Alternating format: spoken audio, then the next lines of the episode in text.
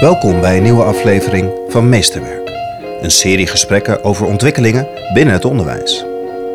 Ons huidige onderwijs is denk ik heel erg ingericht op dat eigenlijk degene die het beste kan reproduceren, die haalt de hoogste cijfers. In deze aflevering spreek ik Akke Vaning. Akke is werkzaam als onderzoeker binnen het lectoraat Waarde van Vrije Schoolonderwijs. Ja, in mijn ogen kunnen we niet heen om de vraag waartoe we doen in het onderwijs wat we doen. Die vraag wordt in mijn ogen, krijgt in mijn ogen veel te weinig aandacht. Mijn naam is Janja Hubeek. Dit is Meesterwerk. Akke, Ja, welkom in de podcast. dankjewel. Even, ik heb heel erg behoefte om de luisteraar even mee te nemen. Ik ben eh, vanmorgen uit Amsterdam-Oost vertrokken. Ik ben de ring opgegaan. Ik ben richting Flevoland, Almere, de brug over naar Flevoland. Ben Almere voorbij gegaan en toen ben ik in een stukje niemandsland terechtgekomen. Een soort vrijplaats waar mensen allemaal hun eigen huis hebben mogen neerzetten. Allemaal stukken grond, stukken eh, kavels een diversiteit aan woningen. En helemaal aan het eind kwam ik in de Hanna Arendtstraat bij jouw huis. En we zitten nu aan de keukentafel en we kijken uit over jouw enorme tuin. Neem mij en de luisteraar even mee. Waar zijn wij? Ja, we zijn in Almere Oosterwold en dat is een, eigenlijk een experiment van de gemeente waarin ze een soort vrije woningbouw toestaan en mensen dus zelf hun woonomgeving kunnen vormgeven. Zelf een huis kunnen bouwen, zelf het land vormgeven, gezamenlijk de weg aanleggen. Eigenlijk alle voorzieningen worden hier door mensen zelf gecreëerd, door de mensen die het zelf gebruiken. Dus wij hebben hier ons eigen huis gebouwd en een grote tuin aangelegd. En wij produceren nu groenten voor een aantal restaurants, maar vooral ook voor mensen hier in de buurt. En we hebben hier op ons land samen met de buren ook een, en nog een aantal andere ouders ook een schooltje opgericht. En nou ja, dat zijn zo allemaal manieren waarop wij proberen ons leven zo vorm te geven zoals bij ons past. Aan het eind zie ik ook een aantal schapen staan. Je hebt ook dieren. Ja, we hebben ook twintig schapen en die verhuren we in de buurt als grasmaaier. Dus mensen die, als het gras een beetje lang wordt, kunnen ze dat natuurlijk gewoon met de machine afmaaien. Maar ze kunnen ook bij ons schapen huren en dan hebben ze voor, nou ja, wat ze willen, voor een paar dagen of voor een paar maanden kunnen ze schapen in, eh, op een landje laten lopen. Wat zegt het over jou dat jij de grote stad verlaten hebt en een kavel bent begonnen om op een natuurlijke manier eten en drinken te gaan verbouwen? Ik denk dat ik een hele sterke behoefte heb om meer in verbinding te leven. Dus meer in verbinding met de mensen om me heen. En nou ja, dat is hier heel sterk door nou ja, dat we alles samen creëren. Maar vooral ook meer in verbinding met het land en met de seizoenen. En door het zelf, ja, zelf een huis te bouwen en zelf nu groenten te verbouwen, dat zijn hele elementaire dingen. Dus het gaat heel erg over wat ik ook direct als mens nodig heb. Dus allereerst een onderkomen of een dak boven mijn hoofd en gezond eten.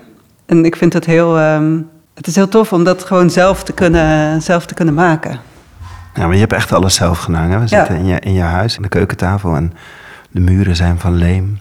Er hangen lampenkappen van stukken boom uit van, Ja, van je zelf land. gemaakt. De tafel waar we aan zitten ehm, heb ik ook zelf gemaakt. Met restjes van de muur achter ons. Ja, dus we hebben eigenlijk alles hier zelf gecreëerd. Inclusief een schooltje. Dat staat, eh, daar hebben we net naar staan kijken. Ja. Bij de buren op het landje staat Ja. een klein schooltje. Dat, daar zit Wolf op, je zoon. Ja, klopt. Ja, toen we hier kwamen was er nog niks. En nou ja, als er weet ik veel hoeveel mensen wonen, dus dat gaat wel komen, krijgt de gemeente wel ook de plicht om hier een school op te richten. Maar wij wilden eigenlijk gewoon al vanaf het moment dat we hier waren, dat onze kinderen ook hier naar school zouden kunnen. Dus nou ja, dat is eigenlijk de praktische reden waarom we zelf een school hebben opgericht. En er zit ook een meer inhoudelijke reden achter dat we een school wilden waar leerkrachten echt zelf de vrijheid hebben om het onderwijs zo vorm te geven zoals zij op dat moment vinden dat het past bij de kinderen die er zijn. En daar is in het huidige onderwijssysteem in mijn ogen niet superveel ruimte voor. En wij hebben een school opgericht die niet door de overheid wordt gefinancierd. Dus de inspectie controleert wel een aantal basisdingen. Maar doordat we geen financiering krijgen, is er dus maximale ja, vrijheid van onderwijs. En er zit natuurlijk ook een nadeel aan, want we moeten het zelf betalen. Ik denk dat we een hele podcast zouden kunnen wijden aan, aan, aan het schuldje. Waarom ik hier ben, is omdat jij uh, anderhalf jaar geleden heb jij onderzoek gedaan naar een thema wat ik vaak hoor en waar ik heel nieuwsgierig naar ben. En jij hebt er uh, onderzoek naar gedaan. Dat is namelijk eigenlijk de zin die ik vaak tegenkom bij visievorming van scholen. En dat is, in mijn woorden, volwassen in de wereld aankomen, zoals Bista dat wel eens zegt, of volwassen in de wereld zijn. Hè. Veel scholen leiden op voor jongvolwassenen om volwassen in de wereld te komen. En jij hebt er onderzoek naar gedaan, want wat is dat? En ik wil even beginnen met de, de eerste quote die in, jou, in jouw onderzoek staat. Ik lees hem even voor. De vraag is niet wat de mens moet kunnen en weten, ten einde zich in de bestaande sociale orde te kunnen voegen, maar wel wat er in aanleg in de mens aanwezig is en in hem ontwikkeld kan worden. Pas dan kan de opgroeiende generatie de maatschappij steeds opnieuw met nieuwe kracht verrijken. Het is een quote van Steiner. Ja. Waarom heb je die pontificaal bovenaan je onderzoek gezet? Ja, voor mij laat hij heel goed zien waar het mij in dat onderzoek om te doen is. Ons huidige onderwijs is denk ik heel erg ingericht op dat eigenlijk degene die het beste kan reproduceren, die haalt de hoogste cijfers. Dus het kunnen reproduceren van de aangeboden kennis en voor een deel ook de aangeboden vaardigheden, dat is eigenlijk ja, wat wij vaak als beste kwalificeren. En wat deze quote voor mij laat zien is ook hoe ik daar zelf naar kijk, dat het niet zozeer gaat om het reproduceren van kennis, maar we hebben mensen nodig die zelf kunnen denken en die zelf creatieve oplossingen kunnen verzinnen. Omdat ik denk dat ja, als je het zo van, vanuit de maatschappij bekijkt, de grote problemen of vraagstukken waar we mee te maken hebben, noem klimaatverandering, maar ook bijvoorbeeld het verschil tussen arm en rijk, wat steeds sterker wordt. Dat gaan we niet oplossen met de huidige, met de manier van kijken die dat gecreëerd heeft. Dus we hebben volgens mij mensen nodig die iets nieuws kunnen brengen. En dat is eigenlijk bekeken vanuit de maatschappij, maar bekeken vanuit de individuele mens, gun ik kinderen, opgroeiende mensen, ook dat ze niet alleen hoeven te doen of gevormd worden in wat we al weten en wat er al bestaat, maar dat ook wat zij zelf als individu meebrengen en in willen brengen, dat dat ook ruimte krijgt en dat dat ook gewaardeerd wordt en gezien wordt. Waar kwam je verlangen vandaan om het te gaan onderzoeken? Ja, aan de ene kant is het misschien groot en aan de andere kant ja, is echt mijn overtuiging dat dit is waar het onderwijs om draait. Dus het opvoeden van kinderen tot volwassenheid. En in mijn ogen kan je niet dat doen zonder een beeld te hebben van wat je eigenlijk beoogt met die volwassenheid ja, in mijn ogen kunnen we niet heen om de vraag waartoe we doen in het onderwijs wat we doen. En die vraag wordt in mijn ogen, krijgt in mijn ogen veel te weinig aandacht. En uh, Gert Bista heeft daar veel onderzoek naar gedaan. En nou ja, dat vindt ook wel weerklank in het Nederlandse onderwijsveld. Dus er zijn wel steeds meer mensen die erkennen dat dat ook belangrijk is. Maar de vraag hoe je dat dan daadwerkelijk doet in de praktijk, wat dat vraagt van leerkrachten, wat dat vraagt van uh, lerarenopleiders, die vraag, nou ja, dat is echt nog onontgonnen terrein. En dat was voor mij wel, ja, dat is mijn drijfveer om daar naar te kijken. En dat maakt me ontzettend nieuwsgierig. Je hebt het specifiek gedaan in het vrij schoolonderwijs. Ja, en dat heeft er voor mij voor een deel mee te maken dat, dat, dat ik zelf werkzaam was in die tijd op de lerarenopleiding voor de vrije school en nog steeds ook werkzaam ben bij het lectoraat waarde van vrije schoolonderwijs. Ik heb zelf ook op de vrije school gezeten, dus dat is, dat is het de persoonlijke kant waardoor ik daarbij betrokken ben. En de andere kant is dat, als je het meer van een buitenperspectief bekijkt, dat de vrije school er denk ik vanaf de oprichting ongeveer 100 jaar geleden vrij expliciet is geweest over dat waartoe. Dat maakt het een misschien relatief makkelijk, makkelijke ingang om dit vraagstuk te, te bekijken. En wat bedoel je, de vrije school is er redelijk duidelijk over geweest waartoe ze opleiden? Kan je dat woorden geven? Nou, die quote waar je net mee begon van Rudolf Steiner, dat, dat was eigenlijk de initiator van de eerste vrije school. Die is, nou ja, zoals je net ook kon horen, vanaf het begin heel expliciet geweest over dat het dus niet gaat of niet in eerste plaats gaat over het invoegen in wat er al is, maar juist in de kern draait om wat wil deze, dit kind, deze nieuwe mens, dit individu bijdragen aan de wereld. Voor zichzelf, maar vooral ook ten dienste van het geheel. Vanuit dat gedachtegoed is eigenlijk het hele curriculum ook van de vrije school vormgegeven. Uh, je begint ook in je onderzoek dat er een grote opmars is in Nederland hè, van vrije scholen. Dat, dat, dat, dat zien we, vrije scholen groeien.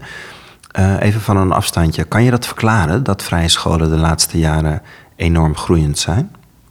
Ja, ik zie eigenlijk twee tendensen in het hele onderwijs gebeuren. Aan de ene kant, en dat verklaart in mijn ogen volgens mij waarom vrije scholen dus groeien, zowel het aantal leerlingen op vrije scholen als het aantal scholen zelf groeit, dat wel steeds meer mensen ergens aanvoelen dat alleen aandacht besteden of hoofdzakelijk aandacht besteden aan de cognitieve kant, dus het ja, leren lezen, rekenen enzovoort, en dat toetsen en checken en, enzovoort, dat dat wel een erg eenzijdige benadering is van onderwijs. Dus veel mensen voelen volgens mij ergens aan dat het zinvol is om naast het hoofd ook het hart van kinderen aan te spreken en ook ze de mogelijkheid te geven om iets met hun handen te doen, om kunst te maken, om toneel te spelen, om te zingen, om um, acrobatiek te doen of wat dan ook. Ja, dat is de ene kant. En tegelijkertijd zie ik ook een tendens dat de controle en de regeltjes en wat er allemaal moet in het onderwijs, dat dat ook sterker wordt. Dus ik zie een beetje zo twee bewegingen. En er is dus een verlangen om daar anders in te staan en je kinderen op een andere manier in de wereld volwassen, tot volwassenheid te brengen.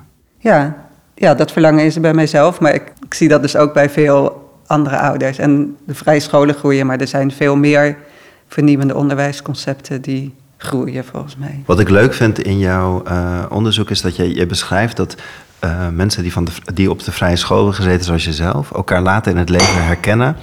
En hoe ze in het leven staan van hé, hey, die hebben waarschijnlijk een, een vergelijkbare nou, opvoeding of onderwijs genoten. Waar, zit het in? ja, dat is misschien wel goed om eerst even heel kort iets te zeggen over dat onderzoek. Want wat ik gedaan heb, is oud-vrij schoolleerlingen bevragen op wat zij belangrijk vinden in het leven. Dus wat voor keuzes ze maken, um, waar ze waarde aan hechten wat voor werk ze doen en waarom, wat ze belangrijk vinden in relaties en vriendschappen en dat soort dingen. En ik heb ze gevraagd in hoeverre zij dat zelf verbinden met het onderwijs wat ze hebben gehad. En het klopt inderdaad wat je net zei, van dat vrijschoolleerlingen elkaar vaak nou ja, ergens aan herkennen. En dat is best wel moeilijk te grijpen, maar ik denk dat het ergens zit in een soort open blik op de wereld of zo. Dus dat er niet alleen het fysieke ertoe doet, maar dat er meer is dan dat, dat is volgens mij een aspect. En een ander ding is, wat volgens mij ook kenmerkend is, is een soort zoeken naar dingen die er echt toe doen. Dus je kan het ook noemen een soort afkeer van oppervlakkigheid of buitenkant. Maar een soort zoeken naar essentie. Uh, had jij hier kunnen wonen op deze manier als je niet zo was opgevoed en eh, onderwijs had genoten? Dat is een vraag die ik in de auto had op weg hier naartoe. Ja, dat weet je natuurlijk nooit. Want ik kan niet bedenken hoe het. Of in ieder geval, ik weet niet hoe het was geweest als ik op een andere school had gezeten. Maar ik kan wel zeggen dat de vrije school mij wel een aantal dingen heeft gegeven die heel erg hebben geholpen. Bijvoorbeeld, nou ja, dat ik veel dingen heb gemaakt van hout en metaal en stof en enzovoort. En dat dat mij een soort basisvertrouwen heeft gegeven dat ik dingen kan maken. Dus een huis bouwen, dat had ik nog nooit gedaan. Maar ik had wel een soort vertrouwen van, ik kan dit in het klein, dus waarschijnlijk kan ik het ook wel in het groot. En het lef, denk ik, om het dan gewoon te gaan doen, dat is denk ik wel iets wat ik heb meegekregen. En tegelijkertijd is het zo dat volgens mijn man niet op een vrijschool heeft gezeten en dit samen met mij is gaan doen. Dus ja, ik denk, het heeft mij zeker geholpen, maar ik geloof niet dat het de enige mogelijke weg is hier naartoe. Vertel over je onderzoek. Wat, wat ben je gaan doen? Welke vraag ben je gaan onderzoeken? En neem me mee. Ja, zoals ik al zei, heb ik dus oud-vrij schoolleerlingen in de leeftijd van ongeveer 35 tot begin 40. Dus ja, een beetje in het midden van het leven of ja, echt in het volwassen leven gaan bevragen op wat, eigenlijk wat de vrijschool hen mee heeft gegeven voor het leven wat ze nu leiden. En hoe dat bepalend is voor hoe zij nu vormgeven aan hun volwassen bestaan in de wereld, als je dat zo wil zeggen. Nou ja, daar kwamen een aantal dingen uit die, nou ja, die interessant of opvallend zijn. Bijvoorbeeld dat er een groot, dat veel oud-vrij schoolleerlingen een groot vertrouwen hebben in dat er wat je ook tegenkomt in je leven, dat er altijd een manier is om het op te lossen of om het te maken of ehm, om iets te leren. En ze verbinden dat aan nou ja, grote diversiteit aan vakken. En ook vooral zelf dingen mogen doen, zelf dingen mogen creëren. Dat dat een soort vertrouwen geeft dat je dat dan dus ook kan. En ook dat de verschillende niveaugroepen eigenlijk tot zo ver mogelijk op de middelbare school bij elkaar blijven. Waardoor ze ook hebben gezien van, ik ben misschien cognitief slimmer of sterker dan anderen. Maar anderen zijn misschien op dat vlak wat minder begaafd, maar kunnen dingen die ik niet kan. Dus dat er eigenlijk op voor ieder mens dingen zijn waar je goed in bent en ook dingen ja, die je misschien nog kan leren of waar je wat minder in uitblinkt. Ja, doordat je samen opgroeit door die school heen, zie je gewoon die diversiteit bij, bij elkaar als groep. Ja. ja. Ik vond het ook uh, moeilijk om te vangen, want wat jij net zegt is die enorme diversiteit aan vakken. Je zit ook met z'n allen in die klas. Um, ik kan het ook als belemmerend voelen of beknellend voelen. Dus neem me even mee, wat is dan die magie die, die op die vrije school dan tot uiting brengt dat je zo zelfstandig in het leven kan staan? Want even, even de andere kant, ik kan ook denken, waarom moet ik aan al die vakken, waarom moet ik altijd bij diezelfde mensen in de klas blijven zitten? Het kan ook wel beknellend zijn. Ja, ik denk dat het er allebei een beetje. Op een school is het eigenlijk altijd zo dat je gewoon bent met de groep mensen waarmee je bent. En daar zitten mooie en verrijkende kanten aan. En dat kan je soms ook als beknellend of zo ervaren. Dus daar is denk ik de vrijschool niet per se anders in dan andere scholen. Nou, een van, je, van de mensen die je onderzocht hebt, die geeft dan als antwoord dat, ze, dat jullie bijvoorbeeld veel vieringen hebben in het vrije schoolonderwijs. En dat het omgaan met materialen ook leert uh, omgaan met weerstand. Dus doordat je met grove materialen werkt, dat je dan ook leert omgaan met, met, met die weerstand door dat materiaal heen te gaan. Waarmee eigenlijk de, de, de parallel werd getrokken als in het leven. Je ook dingen samen vieren, maar ook wel eens dat, dat, dat je moet omgaan met weerstand daarin. Ja, dat is ook een van de dingen die Bista daarover zegt. Dat eigenlijk de weg naar dat volwassen in de wereld willen zijn. Ja, wat er kenmerkend aan is volgens hem, is dat het gaat over hoe ga je om met je eigen vrijheid en hoe verhoud je daartoe.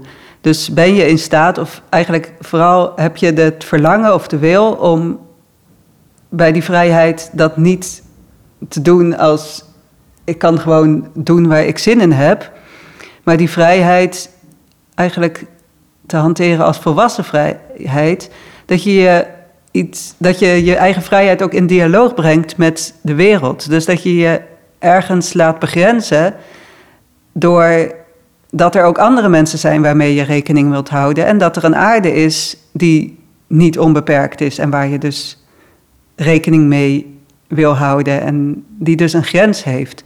Dus het eigenlijk zodra je in ontmoeting komt met andere mensen of met de fysieke wereld, stuit je op een soort weerstand. En dat is niet per se iets negatiefs, maar daar hou jij zelf op en begint iets anders. Iets anders waar je rekening mee moet houden. Dat is iets wat um, inderdaad, wat je net noemde, in de vrije school veel aandacht krijgt. Dat je dat rekening houden met dat er dus een wereld buiten je is, met zijn eigen kwaliteit en zijn eigen karakter. Dat het door bijvoorbeeld te werken met een moeilijke tekst, of met een toneelstuk, of met verhalen, of met stof, of klei, of hout, of metaal, je eigenlijk leert voelen, leert waarnemen dat al die verschillende materialen dus een eigen karakter hebben, een eigen kwaliteit hebben. En dat jij dat, nou ja, jouw eigen vormkracht kan inbrengen, maar dat je ook altijd de eigenheid van het materiaal moet respecteren. En leer mij even nou hoe, dat, hoe dat werkt. Want ehm, ik ben dan heel benieuwd hoe je dan van een moeilijke tekst of van dat moeilijke materiaal dan daar ook los van komt om, om het als in zijn algemeenheid te zien dat het voor jou als vormend werkt.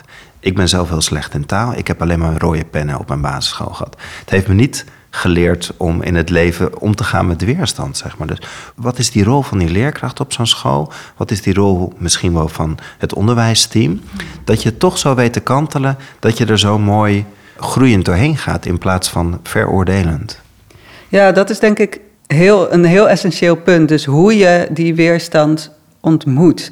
Want als het op een manier is dat jij daar eigenlijk zelf een beetje door in de verdrukking raakt, of zelf niet, niet door jouw leerkracht zo geholpen wordt dat jij daar, dat je zelf ook in je kracht blijft, dan wordt het frustrerend. Dus het gaat eigenlijk iedere keer om het subtiele midden tussen dat jij zelf kan blijven staan en dat je ook de ander of het materiaal buiten je laat staan. En ik denk dat leerkrachten daar een hele grote rol in kunnen spelen. En dat twee elementen, dat heb ik ook in mijn onderzoek beschreven, daarvan belang zijn. Namelijk dat je het op een manier kunt doen die vreugde geeft. En daar is volgens mij spel een hele essentiële, eh, een heel essentieel ding bij. Waarom? Ja, ik denk omdat spel een, de mogelijkheid geeft om uit te proberen, om zelf vorm te geven, om fouten te mogen maken, om vreugde te beleven. Dus als je het via die weg, hetgene buiten je mag ontmoeten, of de, ja, dat kun je de weerstand noemen, weerstand kunt ontmoeten, dan kan het op een vreugdevolle manier. Terwijl als je enkel dictées moet maken of rijtjes moet schrijven en je krijgt alleen maar terug dat het fout is, ja, daar beleef ik weinig vreugde aan. En tegelijkertijd zegt een van jouw geïnterviewden in, in jouw onderzoek, vond ik wel weer grappig, ook dat het ook wel eens oneindig is. Want je kreeg dan eigenlijk nooit een, het was nooit klaar, want je was altijd weer in de doorgroei. Ja, dat is de andere kant. en dat kan ook lastig zijn.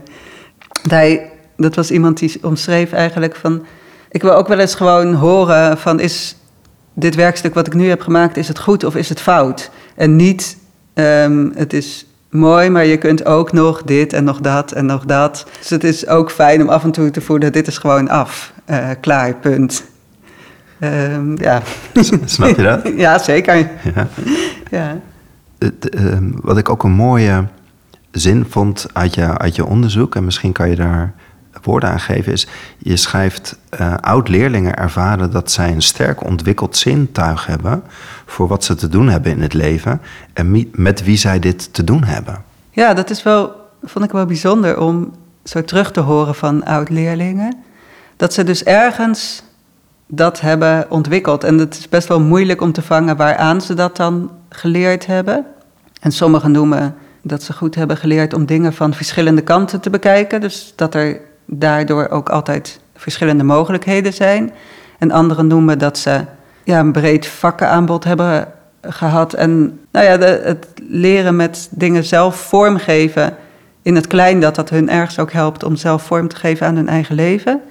En wat mij opviel was dat er eigenlijk een heel groot lef is om zelf keuzes te maken. En dus niet per se het gebaande pad te volgen. Dus niet per se zo hoog mogelijke opleiding te gaan doen en dan door te groeien naar werk en nog een betere baan en nog een betere baan.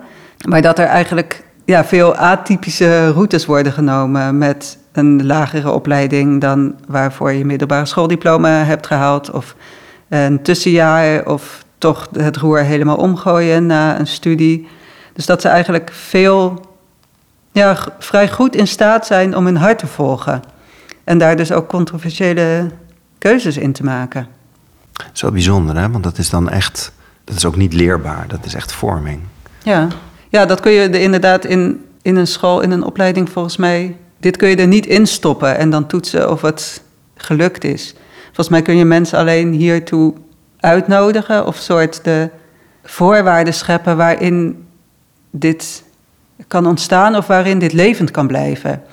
Ja. Wat gaven ze daar zelf als antwoord op? Ja, twee dingen zitten daar denk ik onder. Dus aan de ene kant een heel groot vertrouwen in het leven. En dat koppelen ze voor een deel aan, aan de jaarfeesten die gevierd werden en aan de verhalen die verteld werden. Dat ze daarin hebben ervaren in, die, in het sterk leven met de seizoenen en de feesten dat het leven altijd doorgaat. Of dat er een, een stroom is die altijd doorgaat waar ze toegang toe hebben. En wat ze het vertrouwen geeft in wat voor rare dingen ze ook tegenkomen in het leven. Dat ze daar altijd, dat het een soort basis is waar ze altijd naartoe terug kunnen. Dus dat is een stuk van vertrouwen. Er zit ook een stuk in van de verhalen die een hele belangrijke rol spelen in de vrije school. En waarin ja, ook een soort voorbeelden van moed, van vertrouwen, van een liefdevolle manier van in het leven staan, van verbondenheid een rol speelt. Ze noemen ook vaak leerkrachten die dit echt hebben voorgeleefd, die wisten waarom ze doen wat ze doen. En dat, dat dat een soort voorbeeld is geweest van zelf ook je iedere keer afvragen van... hé, hey, klopt het wat ik doe en is dit echt wat, wat ik te doen heb? En tot slot noemen ze ook, wat ik net al zei, die verschillende vakken en dat brede curriculum eigenlijk... dat dat ze heel veel mogelijkheden heeft gegeven. En dat ze dus ook, als het linksom niet, recht, linksom niet lukt, dat ze dan rechtsom kunnen. En ja, dat ze zich daardoor ook niet zo snel laten vangen in dit is het gebaande pad en zo moet het dus. Je hebt veel van Bista gebruikt. Mhm. Waarom is die een, een belangrijke inspiratiebron voor jou? Ja, omdat hij in mijn ogen wel de voortrekker, in ieder geval in het Nederlandse onderwijsveld, is van deze vraag stellen. Van de vraag stellen van hé, hey, wat, wat beogen we eigenlijk met wat we doen? En dat dat de vertrekvraag moet zijn van het onderwijs. En niet het programma of de te toetsen uitkomsten. En hij heeft ja, dat ook soort handvatten geboden om die vraag te stellen. Dus hij zegt eigenlijk, onderwijs heeft drie doeldomeinen of drie onderdelen, namelijk kwalificatie, wat je moet kunnen en weten. En dat is natuurlijk belangrijk, maar dat is maar een onderdeel van het onderwijs. En daarnaast socialisatie. Dus je leert ook kinderen altijd iets, of je dat nou expliciet of impliciet doet, je geeft ook altijd een beeld mee van zo doen we het met z'n allen. Dus normen en waarden en gewoontes. En daarnaast is er ook nog een heel belangrijk stuk van de subjectwording. Dus, en daar gaat die volwassenheid eigenlijk over. Ja, dat gaat eigenlijk over persoonsvorming. En niet in de zin van het vormen van een persoon volgens een bepaald beeld wat wij hebben dat iemand, hoe iemand zou moeten worden, want dat is meer het socialisatiestuk. Maar juist dat stuk waar de vrijheid van dit individu om de hoek komt kijken. Namelijk kun je de ruimte geven om aan ieder mens, om wat hij of zij meebrengt, ook echt tot ontplooiing te laten komen. En dat iemand echt zijn eigen hart kan volgen en echt kan doen wat hij wat hij hier te doen heeft. Wij doen in het onderwijs alsof het primair draait om die kwalificatie. Nou ja, wat je aan het eind kunt en weet. En hij zegt eigenlijk van het gaat primair om die persoonsvorming. En dat deel ik heel erg. En ik denk nou, maar dat hij zegt ook dat het met elkaar verbonden is, toch? Hij zegt ook, het, het een kan niet zonder het ander. Dus ze moeten met, met elkaar in balans zijn. Ja, zeker. Maar het vertrekpunt van waaruit je denkt, dat draait hij eigenlijk om. Dat zet hij eigenlijk op zijn kop. Dus hij zegt eigenlijk vanuit die persoonsvorming kun je die andere dingen vorm gaan geven. En natuurlijk is het zinvol dat kinderen ook leren lezen en schrijven en rekenen en geschiedenis op de basisschool. Maar niet, ja, dat is eigenlijk meer misschien mijn eigen standpunt. Niet zozeer om dat rekenen en lezen zelf, maar als middel om op een volwassen manier in de wereld te kunnen zijn. Want als ik, als ik niet kan spreken en lezen en schrijven, kan ik ook niet met jou spreken. Dus kan ik niet met jou, of in ieder geval, het helpt me dat ik dat kan, om met jou in verbinding te zijn en jouw stuk te horen en mijn stuk uit te spreken. En ja, dus ik zie die kwalificatie, dat kwalificatiestuk veel meer als middel tot dan als hoofddoel. Uh, in hoeverre heeft, heeft zo'n lectoraat, wat gericht is op die waarde van de vrije school, in hoeverre heeft je dat geholpen ook bij het, het uitvoeren van je onderzoek? Nou, zonder dat dat lectoraat er zou zijn, zou ik daar überhaupt geen tijd en mogelijkheid voor hebben. Dus daarin helpt het sowieso al. Maar ook dat je, we zijn met een kenniskring van een aantal onderzoekers en dus een lector. En we hebben ook regelmatig bijeenkomsten samen. En het helpt gewoon heel erg om ook met andere mensen te spreken over je onderzoek en elkaar daar ook in te helpen en op te bevragen. Want als ik dat alleen maar in mijn eentje in een kamertje zit te doen, dan wordt het niet half zo goed als wanneer ik daar ook met andere mensen aan werk eigenlijk. Wat mij in je onderzoek een, een, twee opmerkingen die mij, die mij ook wel tot nadenken riepen. En ze staan, er, ze staan er mooi en open in. En ik ben benieuwd hoe jij kijkt naar zo'n opmerking. Eén opmerking is: de vrije school is vaak een kleine witte droomwereld, zelfs in Amsterdam Noord. Dat is een uitspraak, denk ik, van een van jouw geïnterviewden. Ja, dat klopt. Dat is iets wat ook bij de vrije school hoort. Dat het van oudsher toch een vrij. Ook omdat het, denk ik, buiten de mainstream is, of in ieder geval was, dat toch vooral hoogopgeleide, wat economisch welvarendere doelgroep aantreft. En ik heb de indruk dat dat wel een beetje aan het verschuiven is. Maar ik denk dat je dat, dat, dat eigenlijk ook wel geldt voor andere vernieuwingsscholen. Dat het vaak toch in ieder geval in eerste instantie een hoger opgeleide doelgroep is. Die kan daar... duiden? Waarom? Het, het is heel open. Volwassen in de wereld staan betekent ook met en, en voor elkaar leven. Dus het sluit niks uit. Nee, dat denk ik ook niet. Dus het, nee, dat is ook ergens dan het, het tragische of zo. Dat, ja, dat dat dus lang duurt voordat dat lukt of zo. Om, uh, om, echt, een inclusief, om echt inclusief te zijn. Ja, wat mij betreft zou dat wel mooi zijn als dat nog veel meer. Een, uh, een andere zin die mij opviel, en uh, ik heb met heel veel plezier je, je onderzoek zitten lezen. En toen kwam ik bij, de, bij, je, bij je conclusies, of tegen het einde. En toen zei een geïnterviewde, die zei dat de overgang van de vrije school naar de wereld zo'n grote stap was. En dat hoorde je wel vaker. Ja. En dat vond ik zo wonderlijk, want aan de ene kant zeg je van hé, hey, we, we brengen je naar volwassenheid in de wereld toe en, en, school is daar een middel toe. En tegelijkertijd zeg je ja, maar de overgang van school um, naar het daarna is zo lastig. Ja, de, sommige oud-leerlingen ervoeren dat als heel gemakkelijk, maar sommigen zeggen ook inderdaad, die kloof is best wel groot. Um, en dat heeft er volgens mij onder andere mee te maken dat als je daarna op een MBO of HBO of universiteit komt, er andere dingen belangrijk zijn dan dat er in je schooltijd belangrijk waren. Want dan kom je alsnog terecht in dat het vooral toch om die kwalificatie draait. Het goed gaat als je goed kunt reproduceren. En of je er een, ook een mooie tekening bij maakt, dat niet per se gewaardeerd wordt. Hoe was dat voor jou toen je van de vrije school afkwam? Herken jij die, uh, die overstap? Nou, ik geloof dat ik dat niet per se als moeizaam heb ervaren. Wel dat ik, ik kan me wel nog heel goed herinneren dat ik op de universiteit de eerste jaren um, niet zoveel gedaan heb. En vooral het uh, café op de campus heel interessant was. En dat ik op een gegeven moment een soort gemotiveerd raakte om hard te gaan studeren. En dat ik ook nog heel goed weet dat ik toen doorkreeg wat hetgene was wat gevraagd werd. Dus eigenlijk hoe ik hoge cijfers kon halen voor een tentamen of voor een werkstuk, dat was door heel goed aan te sluiten bij wat, wat de vraag was of wat er verwacht werd. En ik voelde dat als een soort trucje wat ik doorkreeg. Dat voelde een beetje als dat ik gewoon het spel meedeed. En daar was ik vrij goed in. Maar als ik terugkijk, had ik misschien wel liever meer wezenlijke gesprekken gevoerd. Dat was die waren er ook wel hoor, maar dat was niet de... Daar was de kroeg voor. ja, ja, ja, precies. Ja. Iets wat ik moeilijk vind, en misschien um, een vraag om me uit te knippen, maar is... Um, het komt meerdere, meerdere keren in, jouw uh, in jouw onderzoek voor. En dat heeft te maken met Bista. En je, je spreekt over Bista, over het, het gezonde midden tussen de uitersten. Tussen wereldvernietiging en zelfvernietiging. Kan je me daarbij helpen?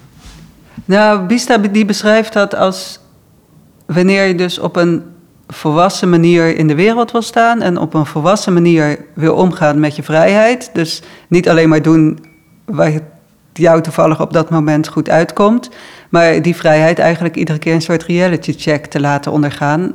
Namelijk te checken bij je omgeving, bij andere mensen, um, misschien ook bij de aarde, van is wat ik nu wil, ja, is dat echt het goede om te doen? Bijvoorbeeld, als ik een avocado koop, dan is de kans dat dat ergens anders op de wereld, zowel aan de aarde als aan andere mensen, schade heeft berokkend, is vrij groot. Dat je je daar bewust van bent, dat je dus dat meeweegt in je keuzes, dat is volgens mij ja, waar hij op doelt. En in extreme, als ik alleen maar doe wat mijzelf uitkomt, dan vernietig, vernietig ik eigenlijk de ander en de wereld. Dat is ook wel een beetje wat wij doen, want we putten gewoon de aarde uit en ehm, in mijn ogen ver over de grenzen van wat gezond is voor de aarde, maar ja, daardoor ook voor onszelf. En we, de manier waarop wij consumeren heeft ook een hele groot deel van uitbuiting van andere mensen in zich. Dus daar zit volgens mij die wereldvernietiging dan in. Dat is wel een groot woord natuurlijk. En de andere kant is dat ik ook het tegenovergestelde kan doen. Dus alleen maar rekening houden met anderen en met de wereld. En mezelf niet meer gunnen. En dan verdwijn ik zelf eigenlijk. Of, ja, dus ja, volgens mij is dat het midden waar je naar kunt zoeken. Wat is er uit je onderzoek gekomen? Ja, wat ik wel een inzichtelijke manier vond om te kijken naar de dingen die eruit kwamen, is om het te benaderen vanuit de drie basisbehoeften, namelijk competentie, relatie en autonomie. En we hebben nu eigenlijk vooral gesproken over wat de, ook de goede dingen zijn, of dingen die mensen geholpen hebben. Maar er waren natuurlijk, net als in alle andere onderwijsvormen, zijn er ook altijd dingen die niet geholpen hebben of die niet bij hebben gedragen. Ook omdat het altijd mensenwerk is, denk ik. Dat wordt ook nooit perfect.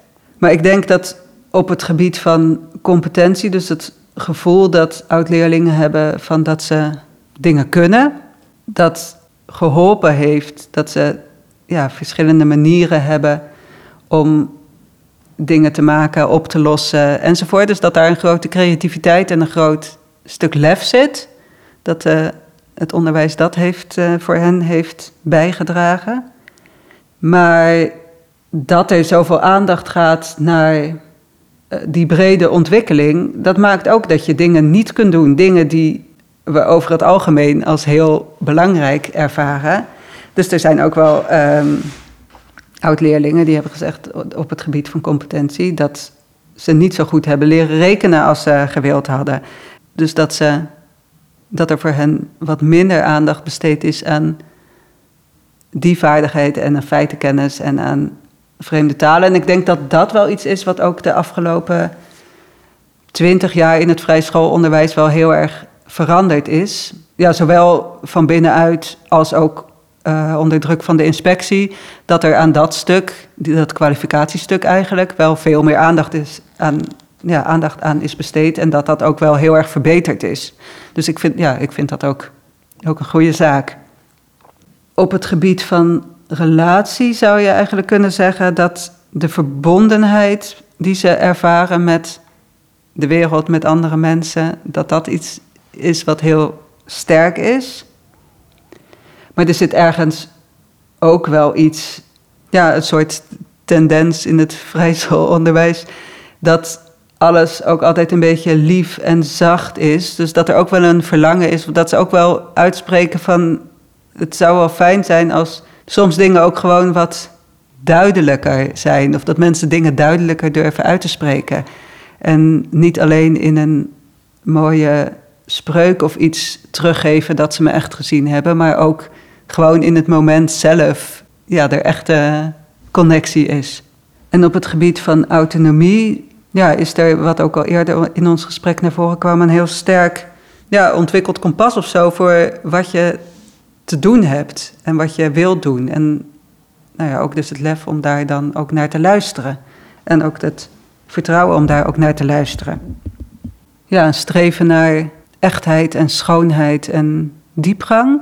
En tegelijkertijd speelt er ook wel, wat je, waar jij misschien ook eerder een beetje op doelde, van het, alles is ook heel gezamenlijk. Dus waar dan jij zelf als individu ruimte krijgt, dat zou misschien ook wel iets zijn wat nog, nou ja, waar gewoon nog een kans ligt om dat meer te ontwikkelen. Dus eigenlijk het hele, of een heel groot deel van het curriculum gaat uit van die klas die met z'n allen iets doet en geleid door de leerkracht.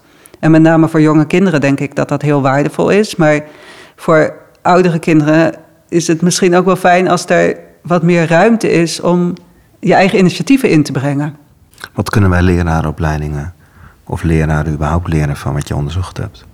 Ja, dan kom ik toch weer terug bij wat ik eerder ook zei.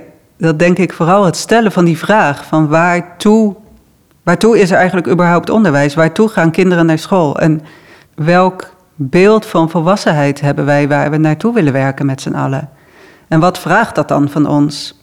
Als het antwoord op die vraag is: het gaat er vooral om dat we kinderen en jongeren afleveren die goed passen binnen wat er al is en goed in een fabriek kunnen werken of goed achter de kassa kunnen zitten of goed bankdirecteur kunnen worden. Als dat het antwoord is, dan is dat dus ook waar je aandacht aan wilt besteden. En als het antwoord meer gaat in de richting van dat je graag mensen wilt opleiden die, die enerzijds iets willen bijdragen, iets nieuws willen bijdragen en gewoon onze wereld en onze manier waarop wij samenleven beter en mooier wordt. En tegelijkertijd voor hun zelf als individu ja, in staat zijn om hun eigen leven vorm te geven op een manier die bij hen past. En die, ja, dat ze kunnen doen wat, wat zij te doen hebben. Niemand anders kan jouw leven leven. Dat kan je alleen zelf. Dus dat moet je zelf vormgeven. En als dat is waar we aan bij willen dragen met het onderwijs, dan, nou ja, dan heb je dus gesprek over wat, ja, wat je dan te doen hebt. En ik denk dat er niet per se vaste antwoorden voor zijn, maar dat misschien wel in eerste instantie vooral het bewustzijn daarvan en het gesprek daar telkens opnieuw over relevant is. In deze aflevering spreek ik Akke Vaning. Akke is werkzaam als onderzoeker binnen het lectoraat Waarde van Vrije Schoolonderwijs. Het lectoraat Waarde van Vrije Schoolonderwijs richt zich op het versterken van de doelen waar het vrije schoolonderwijs voor staat, zoals het realiseren van een brede en evenwichtige ontwikkeling van denken, voelen en willen bij kinderen, zodat zij innerlijk vrije en verantwoordelijk en moreel handelende volwassenen worden. Meer podcastafleveringen van Meesterwerk zijn te beluisteren via Spotify, iTunes, Soundcloud of kijk op janjaaphubeek.nl. Je kunt deze aflevering een duimpje of een aantal sterretjes meegeven, zodat meer mensen deze podcast makkelijker kunnen vinden. Hoe dan ook, tot de volgende aflevering van Meesterwerk.